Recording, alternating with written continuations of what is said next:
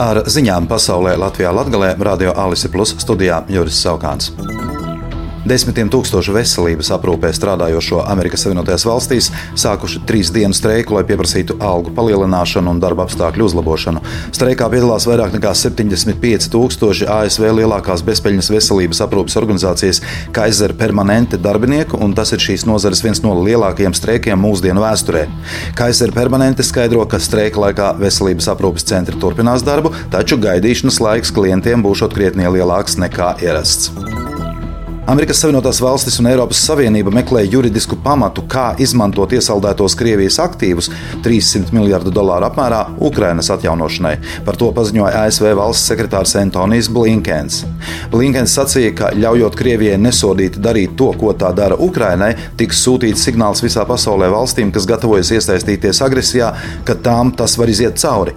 Tas atver Pandoras lādi ar konfliktiem. Neviens nebūs laimīgs šajā pasaulē, kurā valda konflikti un agresija pavēstīja Blinkens.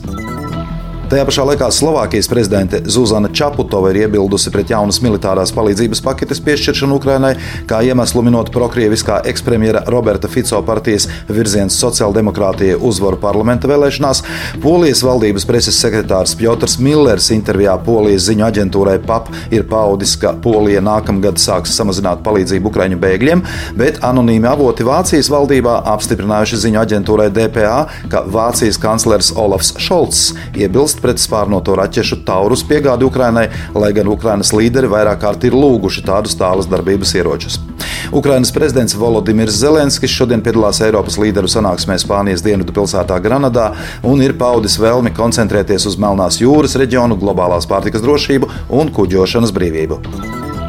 Saima šodien noraidīja opozīcijas partiju stabilitātei Latvijā pirmajā vietā un Nacionālās apvienības frakciju priekšlikumus, ar kuriem tika piedāvāts atsevišķiem produktiem samazināt PVN likmes. Stabilitātei rosināja līdz 2027. gadam piemērot PVN samazināto likmi 5% apmērā Latvijā raksturīgiem pārtikas produktiem, piemēram, maizei, svaigai gaļai, zivīm, pienam, sieram, biezpienam, krējumam, raudzēta piena produkcijai, augļiem, ogām un dārziņiem.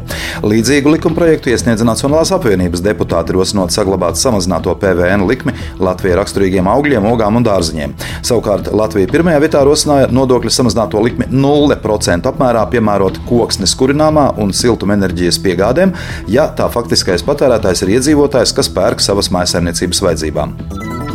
Augstdaugavas novada Kalkūnes pagastā sākta saules elektrostacijas Kalkūnes SES būvniecība. Tai piesaistīta vairāk nekā 10 miljoni eiro, un Augstdaugavas novada būvvalde pirms nedēļas izsniegusi atļauju SES izveidēji Kalkūnes pagastā starp Kalkūnes un Strādnieku ielu. Gadā stacija saražos 13,5 MWh elektrības, ar to pilnībā varēs nodrošināt vismaz 6,5 tūkstošu Daugopils apkaimes maisaimniecību elektrības patēriņu. Plānots, ka Kalkūnes SES enerģiju sāks ražot jau šī gada nogalē. Veselības ministrija pieprasījusi neatkarīgu finanšu auditu Daugopils reģionālajā slimnīcā. Kā norādīja ministrijā, ar valsts piešķirtajiem līdzekļiem veselības aprūpes nozarē nepietiek, tomēr salīdzinot ar citām reģionālajām slimnīcām, Daugopils izceļas ar pārāk lieliem izdevumiem, pārāk lielu līdzekļu deficītu, un veselības ministrijai ir šaubas par atsevišķu vadības pieņemto lēmumu ekonomisko efektivitāti. Atgādināšu, ka priekšnieks Grigorijs Semjonovs ir uzrakstījis atlūgumu sakarā ar izdegšanu darba vietā. Vienības nama diriģents Aivars Broks atstājis Daugopils simfonietas diriģenta amatu. Iemesls - domstarpības ar diriģentu Jevgeniju Ustinskovu. Sekojot vīram, atlūgumu no darba orķestrī uzrakstīja arī Ilona Broka.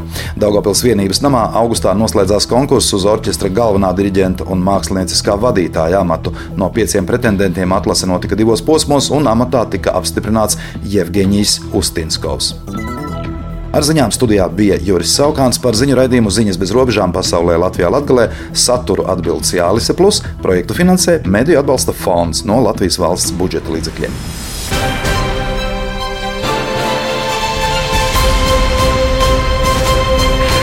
Алиса Плюс. Радио.